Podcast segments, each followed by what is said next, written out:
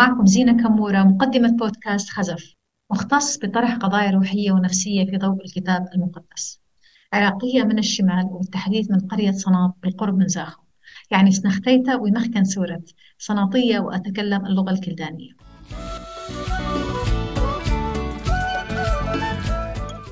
أتمنى أن تكونوا بخير ويسعدني أن أكون معكم لبعض الدقائق حتى نتأمل بموضوع مهم للجميع ولكل الأوقات وهو علاقة الخوف والقلق بالروحانية.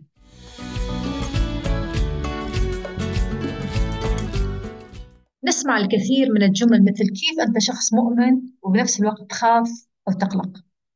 وهي النظرة تصعب علينا أن نعترف بمشاعرنا الحقيقية أمام الناس خوفا من الدينونة أو الحكم بأنه نحن أشخاص غير متكلين على الله وينقصنا الإيمان. أنا مثلكم واجهت هذه المشكلة مع عدة أشخاص من فترات مختلفة من حياتي. لما كنت أشارك عن قلة نومي وقلقي كنت دائما أتهم بالتقصير وأني شخص متذمر وغير شاكر وأنا أحتاج لزيادة إيماني بالله. حلقة اليوم غنية وتشمل عدة محاور. طريقة التعامل مع مشاعر الخوف والتوتر من الناحية النفسية والروحية الفرق بين الخوف والقلق وأخيرا محور الروحانية وارتباطه بالصحة النفسية والجسدية. وأيضا تأثير هاي العناصر وتداخلها في خلق البيئة الأفضل لحياة فيها التوازن وحالة الرضا العامة. الأبحاث والدراسات تشير إلى العلاقة المباشرة بين الروحانية والصحة النفسية وحتى الجسدية. السؤال هو مين فينا ما اختبر بعض المشاعر السلبية في فترة من فترات حياته؟ معظم الناس تختبر بعض المشاعر غير الصحية وأحيانا كثيرة لا نعرف أن نحددها وأن نعطيها اسم وبالتالي يصعب علاجها. أكثر المشاعر اللي يختبرها معظم الناس هي القلق والاكتئاب والخوف ولكن تركيز حلقة اليوم هو عن الخوف والتوتر. كثير من الأحيان نخلط بين هاي المشاعر ونضعها في قالب واحد. هاي المشاعر بالذات تتداخل مع بعضها بشكل كبير ويصعب التمييز بينها. لذلك حبيت أن أبدأ الحلقة بتوضيح الفرق بين الخوف والقلق أو التوتر. ما هو القلق؟ هو شعور يختبره الأغلبية شعور سيء وغالبا ما يكون استجابة لتهديد غير محدد أو معروف مثل عدم الارتياح اللي قد تشعر فيه أثناء المشي في شارع مظلم وخصوصا إذا كان الشخص وحده. قد يتسبب عدم ارتياحك في هذا الموقف بالقلق. إنه إمكانية حدوث شيء سيء مثل التعرض للأذى من قبل شخص غريب. ينبع هذا القلق من نفسية أو تفسير عقلك للمخاطر المحتملة من خلال مشاهدة فيلم رعب قبل النوم. إنه الأشباح أكلت دماغك وأحشائك وأنت نايم. وحتى يرجعوا لك إياهم لازم تعطيهم كل ما تملك ومن ضمنهم أهل بيتك. طبعا هذا السيناريو هو من تأليفي وإخراجي لأنه أنا أجبن من أنه أشوف فيلم رعب. يعني الفكرة هي أنك تشاهد فيلم رعب وصار عندك قلق ولكن لا يوجد بالحقيقة شيء يهدد حياتك بشكل مباشر. غالبا ما نستخدم القلق والخوف في التعبير عن مشاعرنا ولكن هم مش مثل بعض. يوجد ترابط كبير بين هاي المشاعر والتجارب وغالبا ما يشتركوا أيضا في نفس الأعراض العاطفية والجسدية. مثل هاي الأعراض تسارع ضربات القلب التعرق ضيق التنفس الغثيان آه، الرجفة أو الارتجاف وألم في المعدة. التوتر هو شكل من أشكال الخوف وليس الخوف نفسه. راح أوضح هذا الشيء من خلال تعريف الخوف. الخوف هو استجابة عاطفية لتهديد معروف أو محدد. إذا كنت تسير في شارع مظلم على سبيل المثال وشخص ما تعرض لك بسلاح أكيد رح يكون ردة فعلك تجاه الموقف هو الخوف لأنه الخطر حقيقي ومؤكد ومباشر. الخوف هو وعيك أو إدراكك بأنك في خطر لأن هناك تهديد حقيقي على حياتك. الخوف هو أن أتخيل أيضا نفسي في موقف مخيف في المستقبل وهذا الخوف يقيدني من تحقيق الأهداف اللي أرجوها لحياتي. الخوف يمنع الإنسان من أن يعيش الحاضر أو يستمتع باللحظة. الخوف يكشف مشاعر ومواقف لم يتم التعامل معها بشكل صحي في الماضي. مثل الغضب الكآبة الانعزال إن كانت في مجال الصحة أو كانت العمل أو العلاقات. الخوف مثل أي هاجس أو إدمان. هو هبوط ثابت ولكن بطيء. حتى نجد أنفسنا مقيدين بشكل دائم. والخوف والتوتر يصبح مرض لما يأخذ الحيز الأكبر من حياتنا ويومنا ويمنعنا من الوصول لأحلامنا وأهدافنا ويتسبب بمشاعر سلبية مثل الشك والاكتئاب والغضب. دون أن نتوقف لعلاج الخوف قد نخسر الكثير من الفرص. ولن نستطيع أن نستمتع بالحياة والناس من حولنا. بعد الفاصل راح أتكلم عن طرق تفكير صحية تساعدنا على التغلب على الخوف والقلق.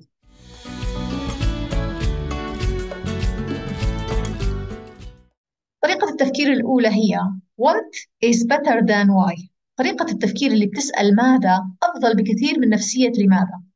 نفسية ليش صار هذا الموقف في حياتي أو هذا الحدث نفسية غير صحية أو غير صحيحة لأنها تلقي اللوم على الآخرين وتعطي الشعور بنفسية الضحية وتبقيني في العجز والسلبية والكآبة على النقيض منها طريقة التفكير ماذا؟ ماذا هو السؤال الصح في معظم المواقف؟ ماذا أفعل وما هي مسؤوليتي تجاه الموقف أو الحدث؟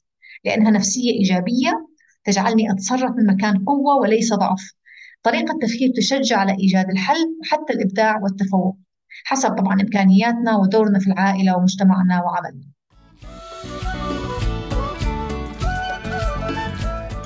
طريقة التفكير الثانية هي القراءة المختلفة للواقع. الأحداث اللي تحصل حولنا شيء وطريقة تفسيرنا لهذه الأحداث شيء آخر. يعني بعض الناس كل شيء عندهم مصيبة. إذا انقطعت الكهرباء لمدة نص ساعة هذه مصيبة.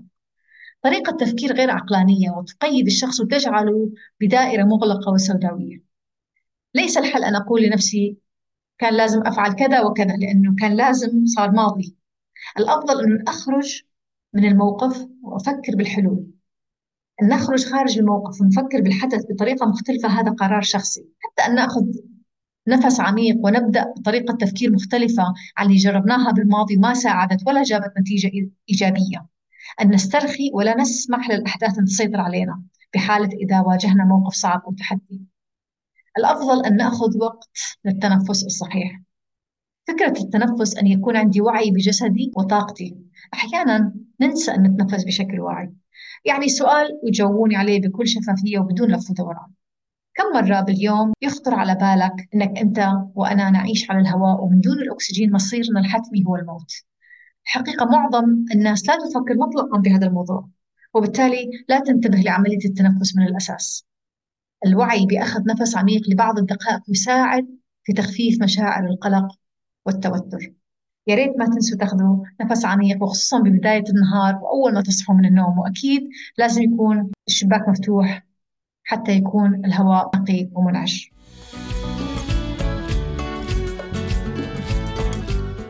بعض العادات غير نافعة لحياتنا وصحتنا وبالأخص في حالة وجود الخوف أو القلق مثل الأكل المستمر وخصوصا الأشياء الغير صحية الاستماع لرسائل ال social media كل الوقت الجلوس أمام التلفزيون لساعات طويلة دون التحرك الكلام المستمر مع الناس عن الوضع السلبي والسيء الأكل المتأخر النوم المتأخر هاي كلها عادات سلبية تعمل على تفاقم التوتر أو الخوف في حياتنا.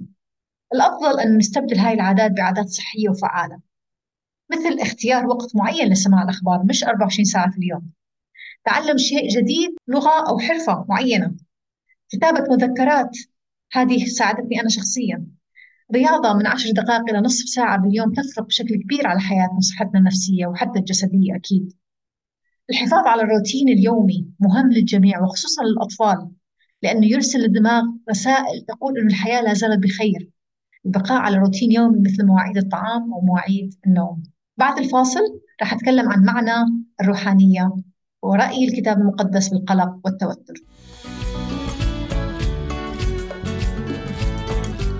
ليش أريد أحكي عن الروحانية وشنو علاقتها بالصحة النفسية؟ مم. دائما تبهروني حبايبي بأسئلتكم العميقة قبل أن أجاوب هذا السؤال لازم نعرف شو الفرق بين الروحانية والتدين صح؟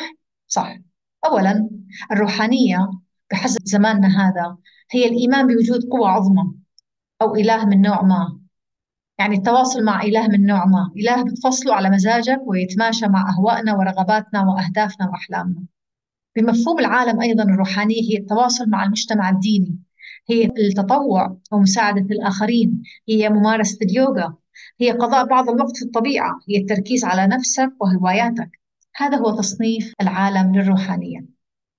ولكن تعريف وتعليم الكتاب المقدس عن الموضوع مختلف عما يروج له معظم الناس تماشيا مع ما يطلبه المستمعون. الروحانية هي العلاقة الشخصية المباشرة مع الله عن طريق الإيمان بشخص المسيح. وهذا الإيمان يظهر في نفسيتي ومواقفي مع الناس وأولوياتي وعملي. الروحانية هي عبادة وعلاقة بيني وبين الله. لا تعتمد على المكان أو من المجموعة أو الطائفة اللي أصلي معها أو أنتمي لها ولا كم مرة أصلي في اليوم ولا الآيات اللي أحفظها من الإنجيل. هي هويتي بالمسيح وكيف أعيش هذه الهوية؟ المقياس لهذه الروحانية هي كلمة الله وليس شيء آخر. ليس تفسيرنا الشخصي وليس رأينا الشخصي الشخص الروحاني برأيي هو الشخص اللي ينمو بإيمانه وعلاقته بالمسيح المخلص. وأساس هاي العلاقة هي تعاليم الإنجيل. كل ما عرفنا المسيح أكثر تزداد رغبتنا أن نشبهه ونمثله على هاي الأرض. برأيي الروحانية والعبادة هي تعبيرين متطابقين ومتداخلين لحد كبير. العبادة الحقيقية حسب الإنجيل هي محبة الله من كل القلب والنفس والفكر ومحبة القريب بنفس الدرجة. والروحانية هي شكل أيضا من أشكال العبادة. الأبحاث والدراسات تدل على أنه الشخص الروحاني والمؤمن صحته النفسية والجسدية أفضل بكثير من الشخص الغير المؤمن. حالة الرضا والاستقرار النفسي والعاطفي تتأثر بشكل كبير بحالتنا الروحية وإيماننا الشخصي. ولكن أحيانا لا تكون المشكلة بإيماننا ومحبتنا لله ولكن أمور أخرى تتسبب في مشاكل نفسية مثل الاكتئاب أو القلق وأحيانا عوامل جسدية مثل وجود أمراض اضطراب عمل الغدة أو اضطراب عمل الهرمونات أو حتى نقص بعض المعادن والفيتامينات. يعني بلاش نحكم أو نتفلسف على الناس من دينهم ونطالبهم بأن يزيدوا إيمانهم ويتكلوا على الله. ونحن مو عارفين شو الأمراض اللي يعانوا منها وخصوصا أنه ما حدا طلب تشخيصنا. آخر جزء بحلقة اليوم هي فكر المسيح وطريقة تعامله مع القلق والتوتر. ويلا نتعلم من أفضل معلم ولكن بعد الفاصل.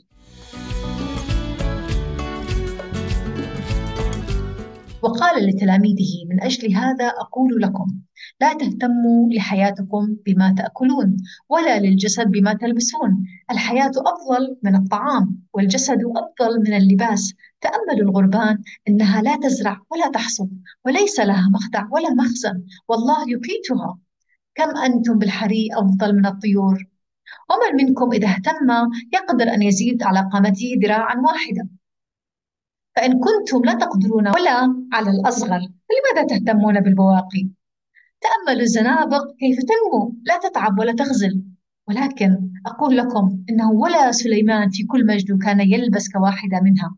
فإن كان العشب الذي يوجد اليوم في الحقل ويطرح غدا في التنور يلبسه الله هكذا. حكم بالحري يلبسكم أنتم يا قليلي الإيمان. فلا تطلبوا أنتم ما تأكلون وما تشربون ولا تقلقوا فإن هذه كلها تطلبها أمم العالم. أما أنتم فأبوكم يعلم أنكم تحتاجون إلى هذه. بل أولا اطلبوا ملكوت الله وهذه كلها تزاد لكم. لا تخف أيها القطيع الصغير لأن أباكم قد سر أن يعطيكم الملكوت. الدعوة من المسيح هي أن نعيش اللحظة أن ننظر أن نتأمل أن نراقب نراقب وننظر ونتأمل في خليقة الله وكيف يعتني الله بكل خليقته من أصغرها حتى أكبرها. نتأمل ونتعظ من زنابق الحقل وعصافير السماء. المسيح يأخذ فكر الناس من أنفسهم إلى الخالق اللي خلقهم اللي أحبهم. نفكر ونتعمق بأهميتنا وما هي قيمتنا في نظر الله. ونحن أبناء وبنات الملك. أن نستبدل الزائل والمؤقت والسطحي ونسعى إلى ما هو أعظم. المسيح يطلب منا أن نفقد الله وحمايته وبركته لحياتنا وأيضا يدعونا حتى ننظر للصورة الكبيرة لحياتنا وما هي رسالتنا ما نكون عالقين في موقف أو مشكلة معينة مهما كانت هذه المشكلة لأنها هي جزء صغير من الصورة الكبيرة من خطة الله العظيمة لحياتنا. شكرا من كل القلب على استماعكم. وتسمحوا لي قبل أن أستودعكم بسلام الله العجيب أن أطلب منكم أن تشاركوا حلقة اليوم مع أصدقائكم وأهلكم. لو برأيكم ممكن أن تشجعهم أو تدعمهم. بودكاست خزف يذاع كل يوم ثلاثاء. ممكن تنزلوا podcast app وبعدين تبحثوا عن كلمة خزف أو اسمي بالإنجليزي زينة كمورة. Z I N A K A M O U R A. وتعملوا follow وآخر خطوة هي ان تشغلوا الإشعار أو ال notification حتى تعرفوا لما تنزل حلقة جديدة. يوصلكم الإشعار. هذه الحلقة موجودة على اليوتيوب والفيسبوك وموقعي الإلكتروني على زينة كمورة دوت كوم. ولنا لقاء.